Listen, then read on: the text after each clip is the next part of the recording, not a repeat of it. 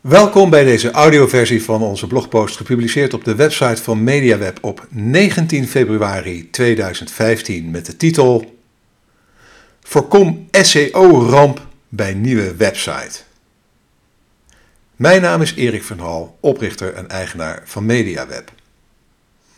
Nou, op 12 februari, jongsleden, lanceerde Transavia een nieuwe, prachtige responsive website.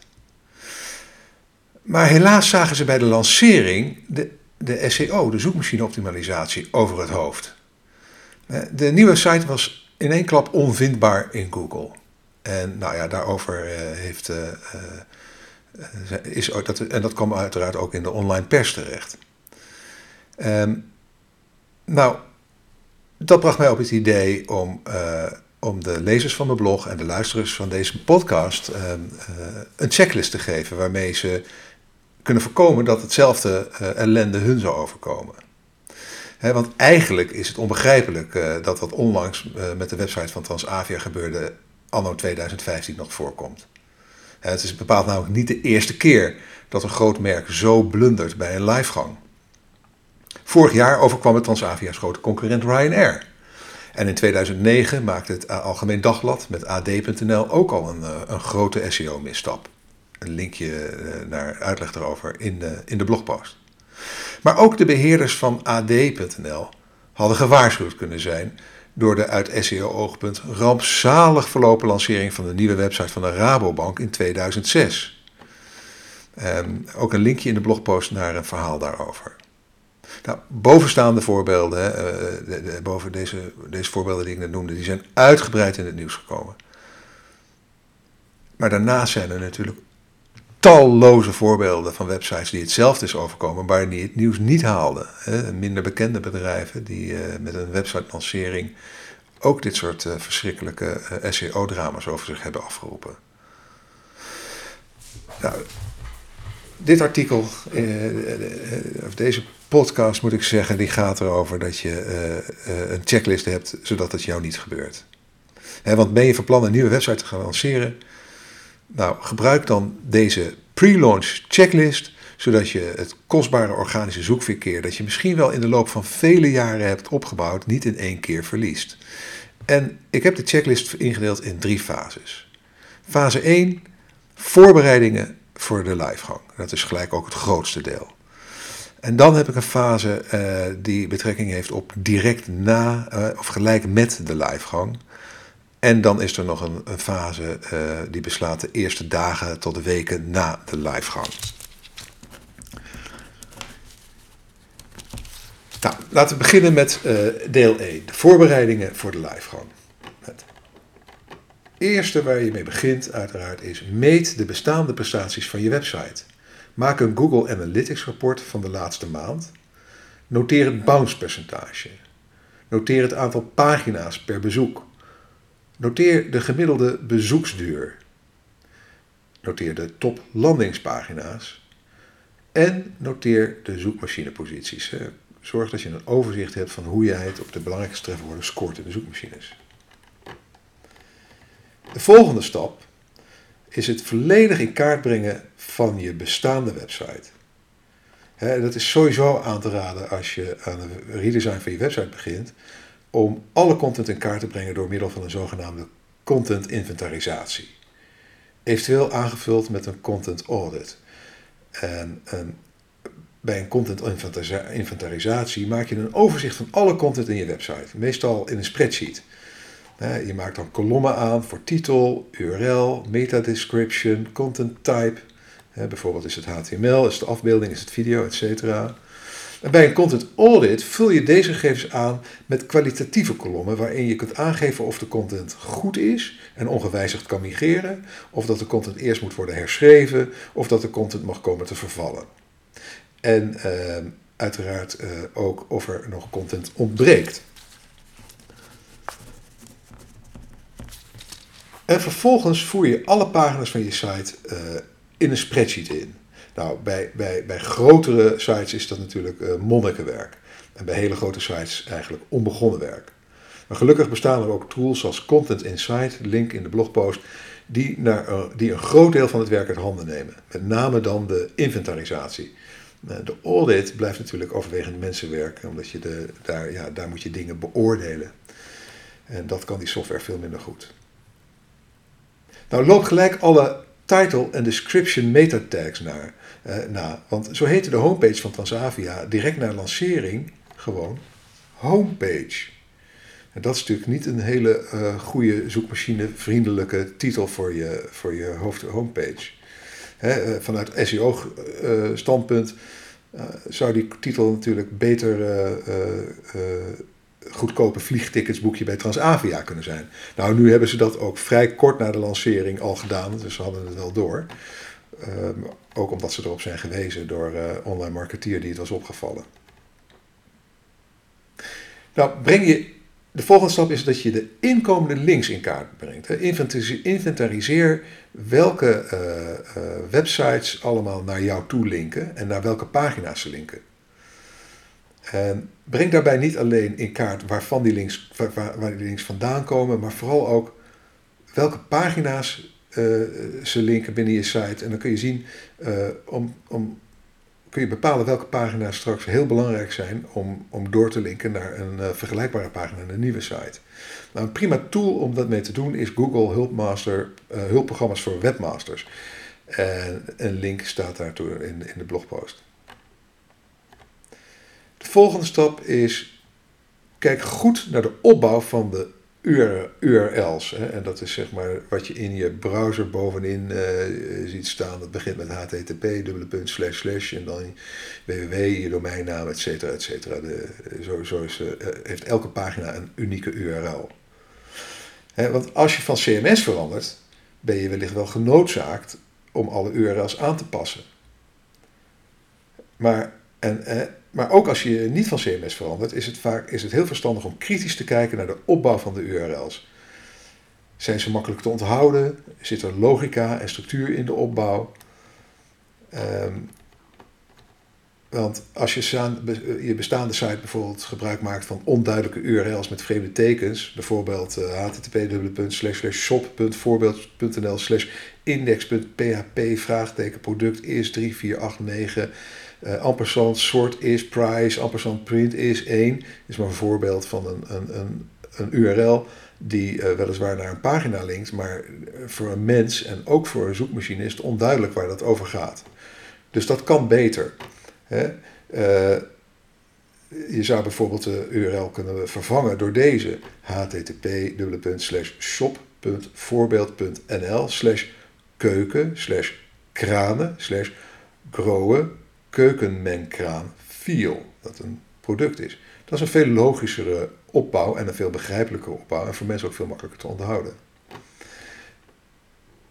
En stel nu dat je in je bestaande site dat wel hebt gedaan, maar je hebt in plaats van, uh, van, van vijf lagen of vier lagen heb je er uh, zeven, acht of negen, dan is het ook een uitgelezen kans om de structuur te vereenvoudigen.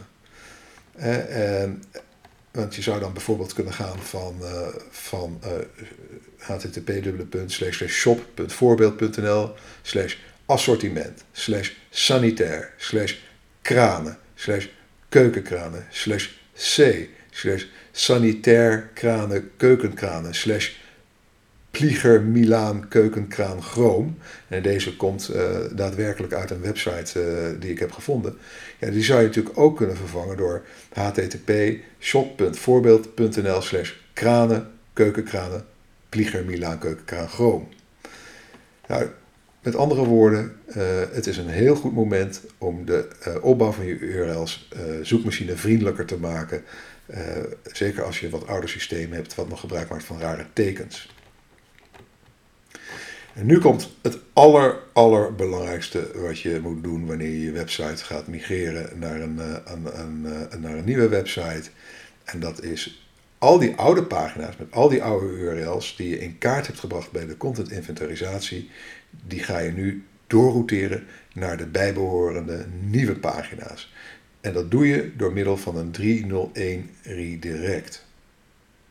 En met deze stap zorg je ervoor dat wanneer iemand straks in Google op een link, link klikt naar je website, ehm, deze ook na de lancering van de nieuwe site op een juiste eh, pagina terechtkomt.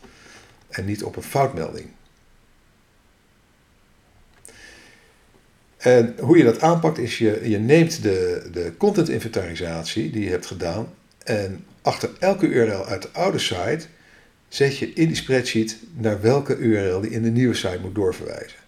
Nou, bij grote websites is dit een enorme klus, maar het is van groot belang. En vervolgens is het zaak binnen de nieuwe website de oude URL door te routeren naar de nieuwe. Soms zal de bouwer van de website dit op een server moeten doen, maar vaak voorziet het, CMS, het gebruikte CMS uh, hierin.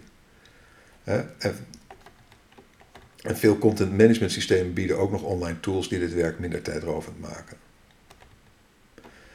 Maar hoe dan, hoeveel tijd dit ook kost, dit is heel erg belangrijk, zeker als je al heel veel organisch zoekverkeer hebt. Goed, uh, het volgende punt is, maak een bruikbare en aantrekkelijke 404-pagina aan. En zeker bij grote websites is het onvermijdelijk dat je een aantal pagina's over het hoofd zult zien. En maak daarom een bruikbare en aantrekkelijke zogenaamde 404-pagina, want dit is de pagina die wordt getoond wanneer een bezoeker om een pagina vraagt die niet bestaat. Het is een prima plek om met wat humor en eh, persoonlijkheid aan je merk mee te geven. En uh, nou, als je naar onze website gaat, media.nl, en je typt er maar wat uh, gebrabbel achter, gooi maar een paar toetsen, toetsen tikjes achter onze domeinnaam, dan krijg je onze pagina te zien en zul je zien hoe wij dat hebben opgelost. wij vinden hem best wel leuk. Ehm, en in de, in de blogpost zelf heb ik ook een, een link gezegd naar, naar een pagina van webs.com waar een aantal andere uh, handige tips over 404 pagina's staan en ook een aantal leuke voorbeelden ter inspiratie. Een volgende punt op je checklist is uh, dat je ervoor zorgt dat domeinen en subdomeinen goed doorverwijzen. En steeds meer webmasters kiezen ervoor om de complete website via een versleutelde verbinding te, te publiceren. Uh, en dat is ook heel belangrijk, uh, dat, hè, dat, dat je een, een, een secure verbinding hebt, een beveiligde verbinding. En de, en de URL begint dan met HTTPS in plaats van met HTTP. En er staat dan ook een slotje voor de URL, daaraan kan je het herkennen. Nou, zoals gezegd, is het heel verstandig, niet alleen uit veiligheidsoverwegingen, maar ook uit SEO-overwegingen omdat uh, Google een versleutelde verbinding, inmiddels als een ranking signal ziet.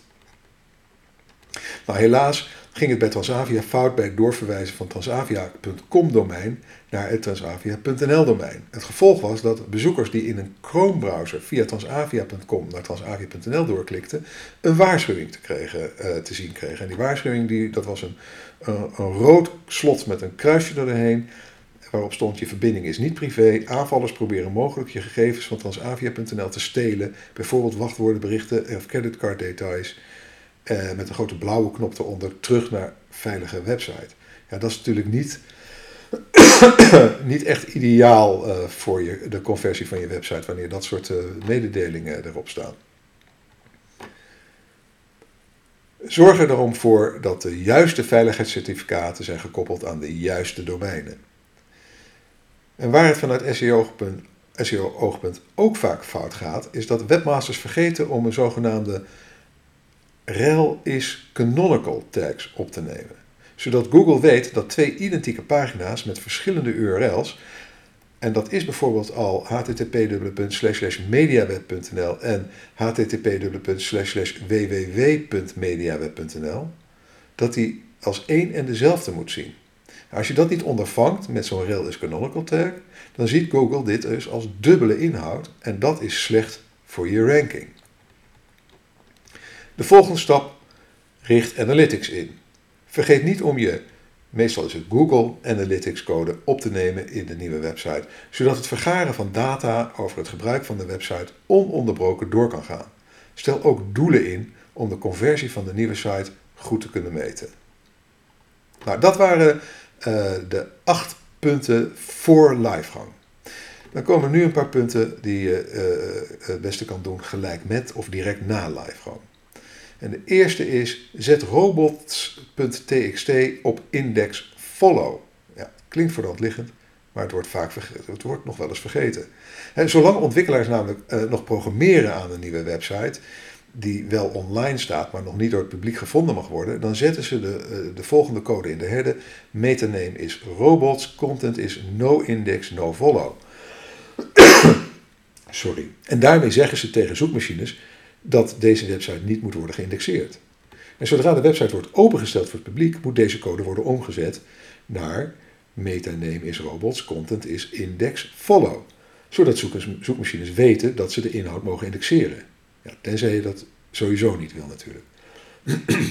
maar goed, de meeste mensen, de meeste bedrijven willen dat natuurlijk wel. Ik heb een beetje een kuchje mensen, sorry. Nou, het volgende wat je direct na de livegang uh, uh, moet doen is in Google Webmasters Tool de sitemap, sitemap van de website in XML-formaat opgeven. Uh, zodat Google de volledige opbouw van je website kan zien via die sitemap.xml. En in die sitemap kun je aangeven welke pagina's Google allemaal kan indexeren.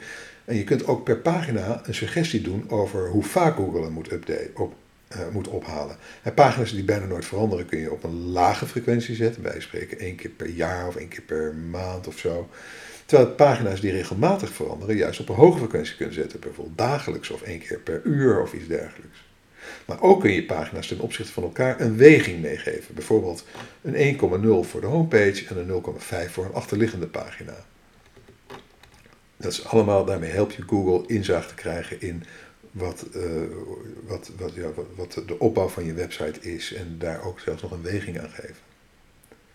Nou, voor meer uitleg uh, over de werking van sitemaps heb ik een, uh, een link in de blogpost gezet naar een artikel van Google zelf en dat heet Submit, Submit a Sitemap to Google Webmaster Tools. En dan komen we nu bij het derde onderdeel en dat zijn de dingen die je kunt doen in de eerste dagen tot weken na livegang. Ten eerste monitor Google Webmaster Tools. En controleer regelmatig in Google Webmaster Tools of alles wel goed gaat. En let daarbij in ieder geval op de volgende zaken. Wat is de indexstatus? Indexeert Google de nieuwe website wel? Zijn er uh, crawl errors? Gaan er dingen fout met het indexeren van de website? En uh, test belangrijke pagina's met fetchen als Google om te kijken of, of het bijvoorbeeld op mobiele apparaten allemaal wel goed gaat. Volgens de normen van Google dan. Tweede punt dat je de eerste dagen eh, tot weken na livegang moet doen, is monitor intensief je website analytics. Controleer dagelijks je Google Analytics om te zien wat er met je verkeer gebeurt. Neemt het organische zoekverkeer af? Wordt de 404-pagina vaak opgeroepen? Is het bounce percentage gestegen? Uh, converteren de ingestelde doelen goed?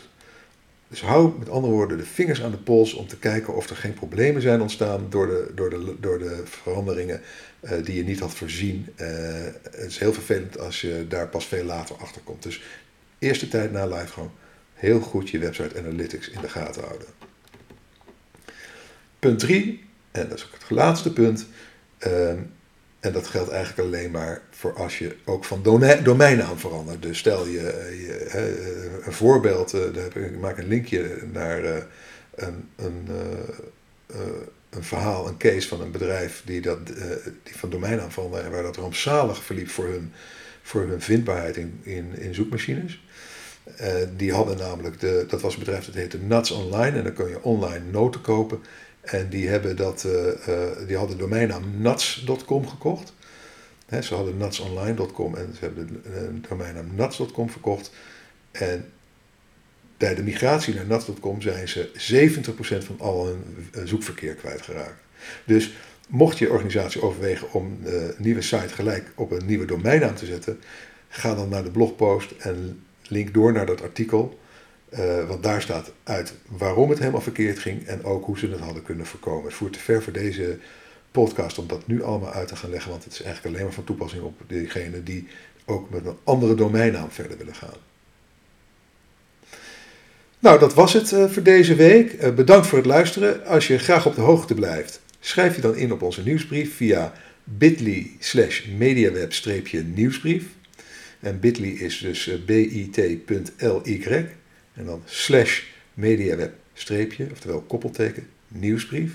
En je kunt dan bovendien gratis deel 1 van mijn e-book Online Marketing Checklist editie 2015 downloaden.